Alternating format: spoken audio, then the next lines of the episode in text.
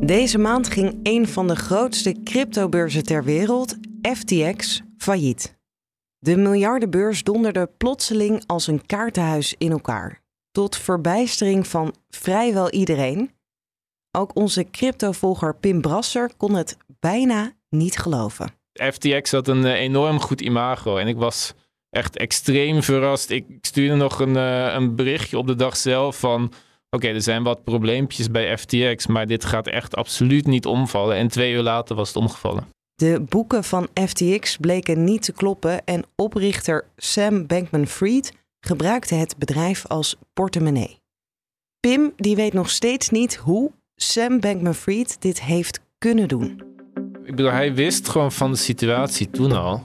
Dat hij gewoon miljarden verlies leed. Dat hij, dat hij al, voor, al voor 2022 en dat hij vervolgens in dat jaar ook nog allemaal leningen niet terug zou krijgen. En dan toch ga je allemaal bedrijven redden. Omdat hij, ja, In deze aflevering nemen Pim en ik je mee in de val van FTX en de val van Sam Bankman-Fried. Je hoort hoe het zover heeft kunnen komen en wat de gevolgen kunnen zijn voor de rest van de cryptosector. Ik ben Pauline Swuster en dit is De Week Voorbij, de weekendpodcast van het FD. Crypto's zijn eh, een soort digitaal geld. En dat staat op iets dat heet de blockchain. Dat is eh, zeg maar het systeem achter cryptomunten. En dat is een systeem dat, dat staat op heel veel computers tegelijk. Dus dat is niet een centrale database. En eh, mensen die erin geloven, die zeggen eigenlijk dat dit het nieuwe financiële systeem gaat worden. Nou ja, daar zijn ook zeer veel twijfels over. En tot nu toe dient het vooral voor speculatie. Maar ja, dat is het. Het is een soort computergeld. Wat is er volgens die mensen mis met het huidige systeem wat dat oplost? Veel mensen in de cryptowereld die hebben niet zoveel op met, met de overheid. En ook niet met, met banken die bijvoorbeeld je rekening kunnen afsluiten. Dat is allemaal wel een beetje paranoïde zou je kunnen zeggen. Maar goed, die mensen die, eh, die willen gewoon zelf eh, volledig over hun, eh, over hun geld kunnen beschikken. En die willen gewoon een systeem waar eigenlijk iedereen die het gebruikt ook eh, de dienst uitmaakt. En dat is dus eigenlijk eh, de bitcoin en, eh, en de blockchain.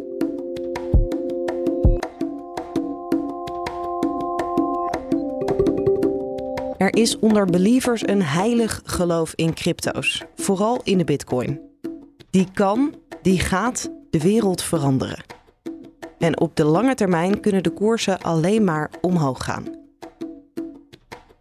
Maar dan moet eerst wel even de cryptowinter overleefd worden.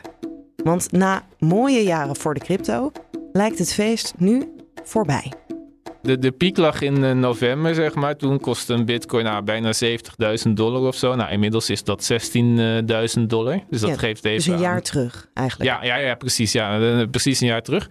En eh, het, kijk, het verhaal is eigenlijk van de rente die is op dit moment gewoon enorm aan het stijgen. En wat je dan krijgt is eh, sparen of obligaties. Die worden aantrekkelijker. En eh, beleggen in hele risicovolle dingen, dat doe je gewoon even liever niet. Dus dat merk je aan de aandelenmarkt, maar dat merk je nog veel meer aan de cryptomarkt. Eh, dat wordt gewoon veel minder aantrekkelijk en de, de koersen zijn gewoon enorm ingestort. Ehm, dus dat zag je aan het begin van het jaar. En toen zag je vervolgens, dat is zeg maar de, de rotte appels van de crypto-industrie, die, die kregen problemen. Dus dat, dat zag je in mei en juni. eh, er zijn gewoon een aantal grote cryptobedrijven die zijn toen al eh, omgevallen. Omdat ze gewoon enorme risico's hadden genomen. En ze dachten, die markt zal alleen maar omhoog gaan. Toen ging hij omlaag. Toen hadden ze dus een enorm probleem. Eh, die hadden allemaal aan elkaar geleend. Dus die, die vielen toen allemaal als, als dominostenen vielen die eigenlijk om. En daar ligt ook de, de kiem van het probleem eh, van, van FTX. Omdat eh, ja, die bleek gewoon ook eigenlijk een dominosteen te zijn. Alleen omdat het gewoon zo'n enorm groot bedrijf is en zo niet transparant is, eh, konden die het nog een tijdje uitstellen. Maar zo is het eigenlijk allemaal begonnen. En zo dreigt het nu ook weer verder te gaan. Want na FTX is er nog een, een, een, andere enorm leenbedrijf genaamd Genesis, wat nu ook op omvallen staat. En als die weer omvalt, dan kan er weer een nieuw enorm bedrijf komen. Eh, dus, dus dat is het domino-effect, wat eigenlijk gewoon nog steeds eh, gaande is. Ja. En hoe komt dat dat het bij de cryptowereld zo snel elkaar allemaal kan laten omvallen? Ja, het is wel belangrijk om te zeggen dat het natuurlijk in 2008 ook met banken gebeurde. Maar ook dat kwam gewoon omdat toen had je zoiets als, als schaduwbankieren, wat zeg maar buiten de toezicht om werd gedaan. En dat is hier ook het geval. Er is gewoon geen toe of nauwelijks toezicht op de cryptomarkt. En ja, het zal ook niemand verbazen dat de cryptomarkt mensen aantrekt die van enorme risico's houden. En dat is gewoon hier het verhaal. Dus uh, leningen die werden gewoon niet afgedekt met onderpand. Wat je bijvoorbeeld bij een hypotheek heb je dus een huis als onderpand. Dat, dat, dat hoor je ook bij, bij dit soort risicovolle leningen te doen. Nou, dat deden heel veel bedrijven niet. er werd enorm gegokt op koersstijgingen, want in de cryptowereld is een beetje een cultuur van iedereen denkt dat het alleen maar omhoog zal gaan. En dat gebeurde niet. En dan, als iedereen dan vervolgens aan elkaar leent en ze hebben al die risico's niet afgedekt, dan gaat het dus helemaal mis. In de zomer, toen uh, nou bijvoorbeeld cryptobank Celsius uh, omviel, toen kwam die Sam Bankman-Fried ook nog langs met voorspellingen over hoe de cryptomarkt uh, eruit zou komen te zien. wat dacht hij toen? Nou, hij dacht toen dat, dat een aantal wat kleinere cryptobeurzen, dat die allemaal nog op omvallen stonden. Dat heeft hij toen geroepen. En zo riep hij wel vaker dingen in de media die hij dan later weer uh, terug moest nemen. Maar in dit geval had hij eigenlijk gelijk, want er zijn ook kleinere cryptobeurzen die, die zijn ook uh, omgevallen. Maar hij heeft er toen niet bij gezegd dat zijn eigen enorme bedrijf ook op omvallen stond. Begin deze maand viel FTX dus ook om. Deze keer geen kleintje, maar één van de grootste cryptobeurzen.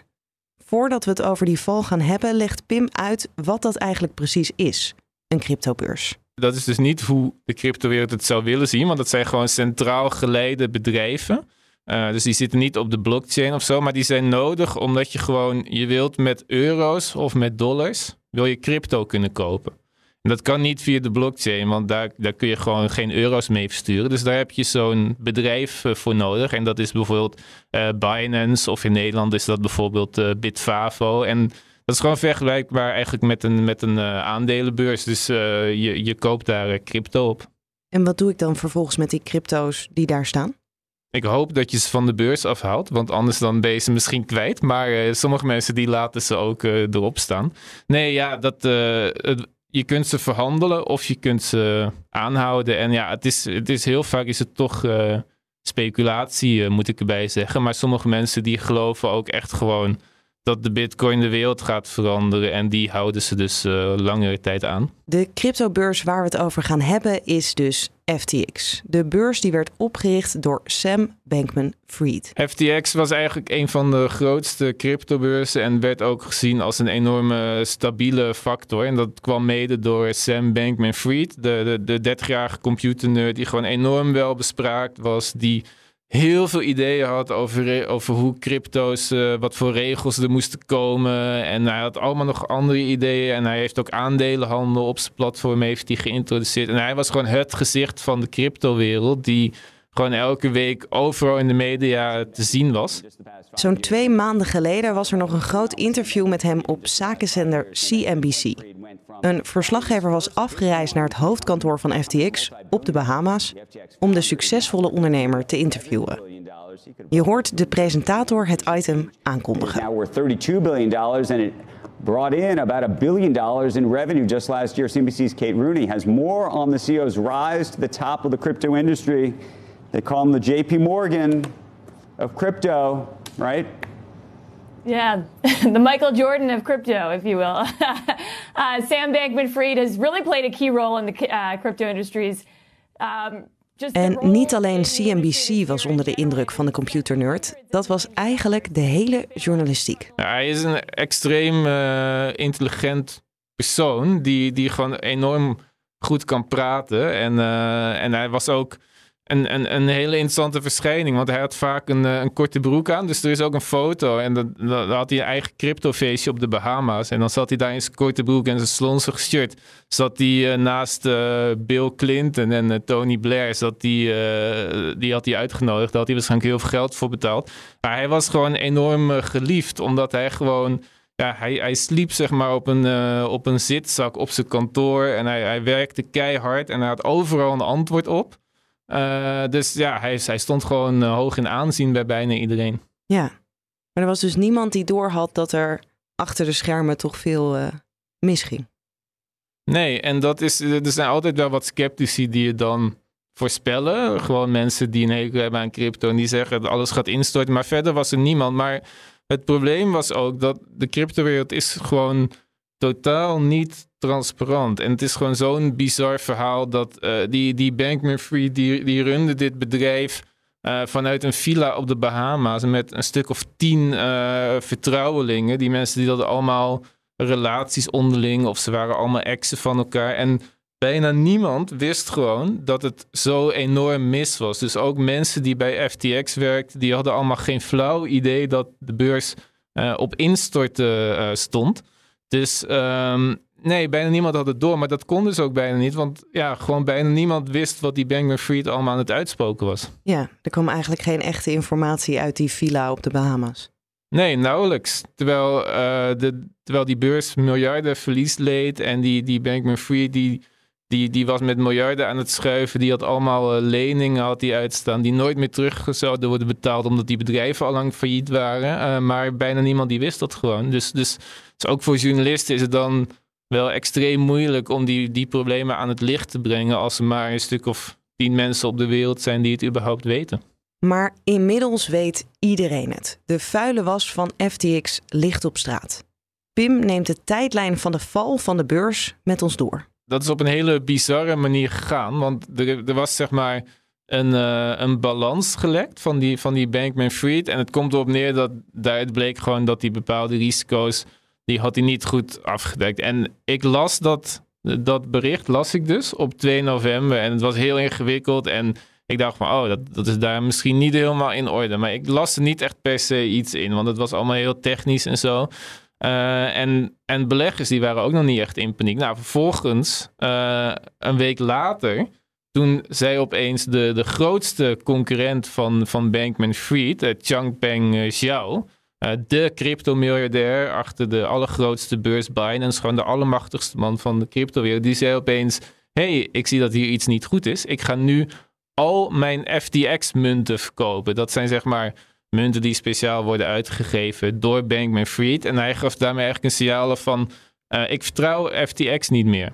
Uh, en dat was dus een week na die onthulling pas. En dat is eigenlijk het dealtje geweest die FTX liet omvallen. Want toen ze raakte iedereen in paniek. Want die, die Xiao die heeft 7 miljoen volgers op Twitter. En iedereen dacht van, oh, hier is iets aan de hand. Toen ging iedereen zijn geld weghalen bij FTX. En toen viel die beurs dus serieus binnen een dag om. Iets wat gewoon echt helemaal niemand had zien aankomen. En wat ik eigenlijk nog steeds niet kan geloven. Ja, en om hoeveel geld hebben we het dan wat in één keer omvalt? Um, ja, het, het, het, gaat om miljarden. Maar het probleem is dus een beetje dat er eigenlijk bijna niets bekend is, omdat alles zo ontzettend, zo niet transparant is. Maar wat, om even aan te geven hoe bizar het allemaal is, die, die beurs, FTX, die had nog een uh, investeringsronde gedaan eerder dit jaar. Werd gewaardeerd op 32 miljard. Ja. En nu op 1 dollar, denk ik, of 0 dollar. En dus zijn heel veel mensen die hebben belegd op de beurs of daar cryptomunten hadden staan, waarschijnlijk hun geld kwijt. En dat waren ook wel grote beleggers, zeg maar professionele handelaren, maar het waren voor, het grootste gedeelte waren het gewoon uh, particulieren. Uh, ook kleine Nederlandse beleggers. Nou ja, dus dat, nou, dat zijn dan vooral in de cryptowereld, zijn dat vooral uh, jonge, hoogopgeleide mannen. die wel van een gokje houden. En die zaten vooral op FTX. En dat, naar schatting waren het ongeveer een miljoen klanten. Uh, maar goed, FTX is nu omgevallen en al die mensen die zijn waarschijnlijk hun spaargeld kwijt. Het leek er nog even op dat dat noodscenario afgewend kon worden. Met een reddingspoging door de concurrent. Ja, dat, dat was dus eigenlijk een soort bizar. Uh, ja, ik zou het bijna een complot in gaan zien. Want dat, die, die Xiao die had dus het laatste deeltje gegeven. En vervolgens zei hij van: Oh ja, wacht, ik ga FTX redden. Dus uh, dat zei hij zeg maar nog, nog een dag later. Zei dat. Dus ik zag daarin een complot van oké, je je, je geeft je grootste concurrent een deal. En vervolgens ga je het ook nog zelf opkopen uh, om, om er zelf van te profiteren. En dan kun je die cryptomunten die nog op FTX staan, die kun je dan goedkoop overnemen. En je bent ook nog je concurrent kwijt. Dat was het verhaal. Ik dacht dat het zo zat. Alleen toen bleek al heel snel daarna dat er uh, op de balans van FTX bijna 10 miljard miste. En dat het gewoon helemaal niet meer te redden viel. dus het, het was in ieder geval ook niet de bedoeling van Changpeng Xiao waarschijnlijk dat heel FTX uh, zou vallen. Maar goed, hij heeft wel alsnog uh, het laatste deeltje gegeven. En ik heb het vermoeden dat hij daar ook wel uh, spijt van heeft. Ja, heeft hij zich daarover uitgesproken of niet? Nou, hij zei heel snel daarna zei hij al van... Ja, ik ben gewoon transparant. Dus ik zeg gewoon dat ik deze cryptomunten, dat ik die ga verkopen. En ik vind het gewoon belangrijk in de industrie dat ik zeg als de dingen niet kloppen en zo. Dus hij kwam met zo'n. Hij zei ook van ja, ik was eigenlijk. Uh, ik ging uit met wat vrienden en ik had dit even in vijf minuten snel op Twitter gezet, niet echt over nagedacht. Dus hij, ja, hij, ja hij, kwam er zeg maar een beetje op terug van ja, dit was absoluut niet mijn, niet mijn bedoeling. Nee. Maar goed, het resultaat blijft er wel natuurlijk. Wat dat resultaat nou precies is, hoeveel geld er is verdwenen en of iedereen spaargeld is verdampt, er zijn nog heel veel vragen over. Wat heeft Sam Bankman-Fried gedaan met al dat geld? Dat is dus heel langzaam naar buiten aan het komen, maar er is ook nog extreem veel onduidelijk. Er, mis, er missen nog steeds miljarden. Maar het, het komt er een beetje op neer dat hij heeft gewoon extreme risico's genomen. Dus wat hij bijvoorbeeld heeft gedaan hij heeft heel veel geld geleend aan cryptobedrijven die al uh, eerder dit jaar al zijn omgevallen. Dus daar heeft hij veel geld bij verloren. Maar het meest bizarre is nog, hij heeft tot en met 2021 ook al bijna 4 miljard verlies gemaakt. Terwijl dat waren geweldige jaren voor de cryptomarkt. Op een of andere manier heeft hij daar ook enorme verliezen gemaakt. Niemand weet hoe dat kan. Uh, hij heeft heel veel vastgoed op de Bahama's gekocht uh, voor zichzelf en voor vrienden en familie. Gewoon met, met, met klantengelden.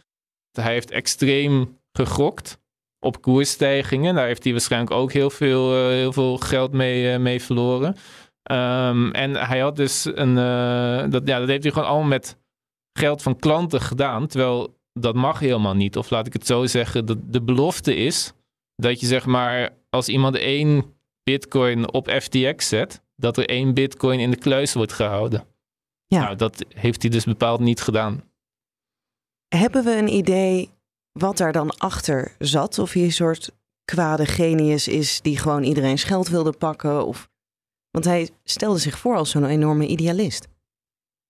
Ja, ik weet het niet. Nou, hij is in ieder geval een enorme leugenaar. Dat is nu wel, wel, wel duidelijk. Um, maar ja, ik kan me toch haast niet voorstellen dat dit zijn bedoeling is geweest. Want hij, het zou heel goed kunnen dat hij gewoon achter de tralies verdwijnt. Dus ja, misschien dat hij toch een soort uh, messias-complex heeft gehad. Dat hij dacht van ik ben de man in de cryptowereld. Ik ga al deze bedrijven redden. Uh, ik heb misschien wat verlies geleden, maar de, markt zal zo toch wel weer omhoog gaan. Dus dat, dat maak ik wel weer goed of zo. Het grote probleem is natuurlijk dat er gewoon, zeg maar bij andere bedrijven, daar heb je gewoon allemaal, allemaal raden van toezicht en zo. En allemaal mensen die je in de gaten houden. en hier had je dus alleen maar die paar mensen in die villa op de Bahama's. En hij had ook wel accountants, maar hij had het zo geregeld dat hij met miljarden kon schuiven zonder dat die het allemaal uh, door hadden. Dus uh, ja, misschien is het gewoon een beetje. Je hoort dat ook wel vaak bij oplichters, hè? dat ze heel klein beginnen. En dat ze dan denken van, oh, ik kan er wel iets meer doen. Dat is dat glijdende schaal is. Ik weet het niet, we moeten er naar gissen, maar dit kan niet de bedoeling zijn geweest. Dat durf ik wel te zeggen. Als het goed is, horen we daar aankomende woensdag meer over. Dan wordt Bankman-Fried geïnterviewd door de New York Times tijdens een evenement dat zij organiseren. En in de afgelopen weken heeft hij ook al hier en daar wat losgelaten. Hij had al een interview gegeven aan de New York Times waarin hij al wat dingen had gezegd. En hij heeft ook, en dat was dus heel dom, hij had een heel chatgesprek met iemand van de Amerikaanse nieuwssite uh, Fox. En daarin zei hij onder meer van ja, al dat idealisme van mij, ja, dat was eigenlijk gewoon een beetje zodat ik in een goed daglicht uh, zou komen te staan. Uh, en hij, allemaal van dat soort pijnlijke uitspraken, dat, dat deed hij allemaal. En hij, dat deed hij dus tegenover een journalist, maar hij dacht, hij vertrouwde haar en hij dacht dat ze niet zou publiceren, wat al heel naïef was. Maar goed, hij heeft dus wel wat, wat uitspraken gedaan. hij zei tegen de New York Times dat hij nog steeds best wel goed slaapt, wat ik ook al dus het valt allemaal wel mee, zei hij. Um, dus ik, natuurlijk, ik ben heel benieuwd wat hij gaat zeggen. En hij gaat sowieso, hij, heeft heel vaak zijn excuses aangeboden. Um, en dat, dat mag je ook hopen natuurlijk. Maar het, het probleem is een beetje dat, Ja, kijk, klanten zijn natuurlijk ontzettend boos. Maar werknemers die zijn ook ontzettend boos. Want die wisten gewoon helemaal van niks. En er zat wel allemaal hun spaargeld op FTX staan. Want dat werd ze gewoon aangeraden door hem om dat te doen. Dus die zijn gewoon woedend en die gaan hem echt niet vergeven wat hij ook zegt. Nee. Hebben de mensen die geld hadden staan op FTX nog enige hoop dat het terugkomt?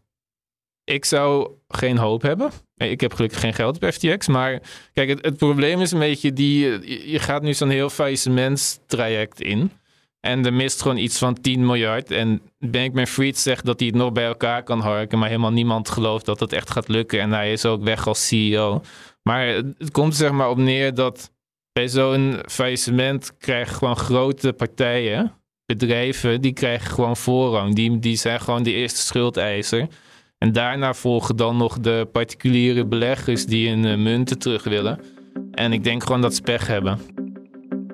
Dit was hem voor deze week. Bedankt voor het luisteren. Wil je meer lezen over crypto's en FTX? Lees dan het verhaal dat Pim vandaag schreef voor de krant over de Amerikaanse politiek en het bedrijfsleven dat het helemaal heeft gehad met crypto's en strengere regels wil.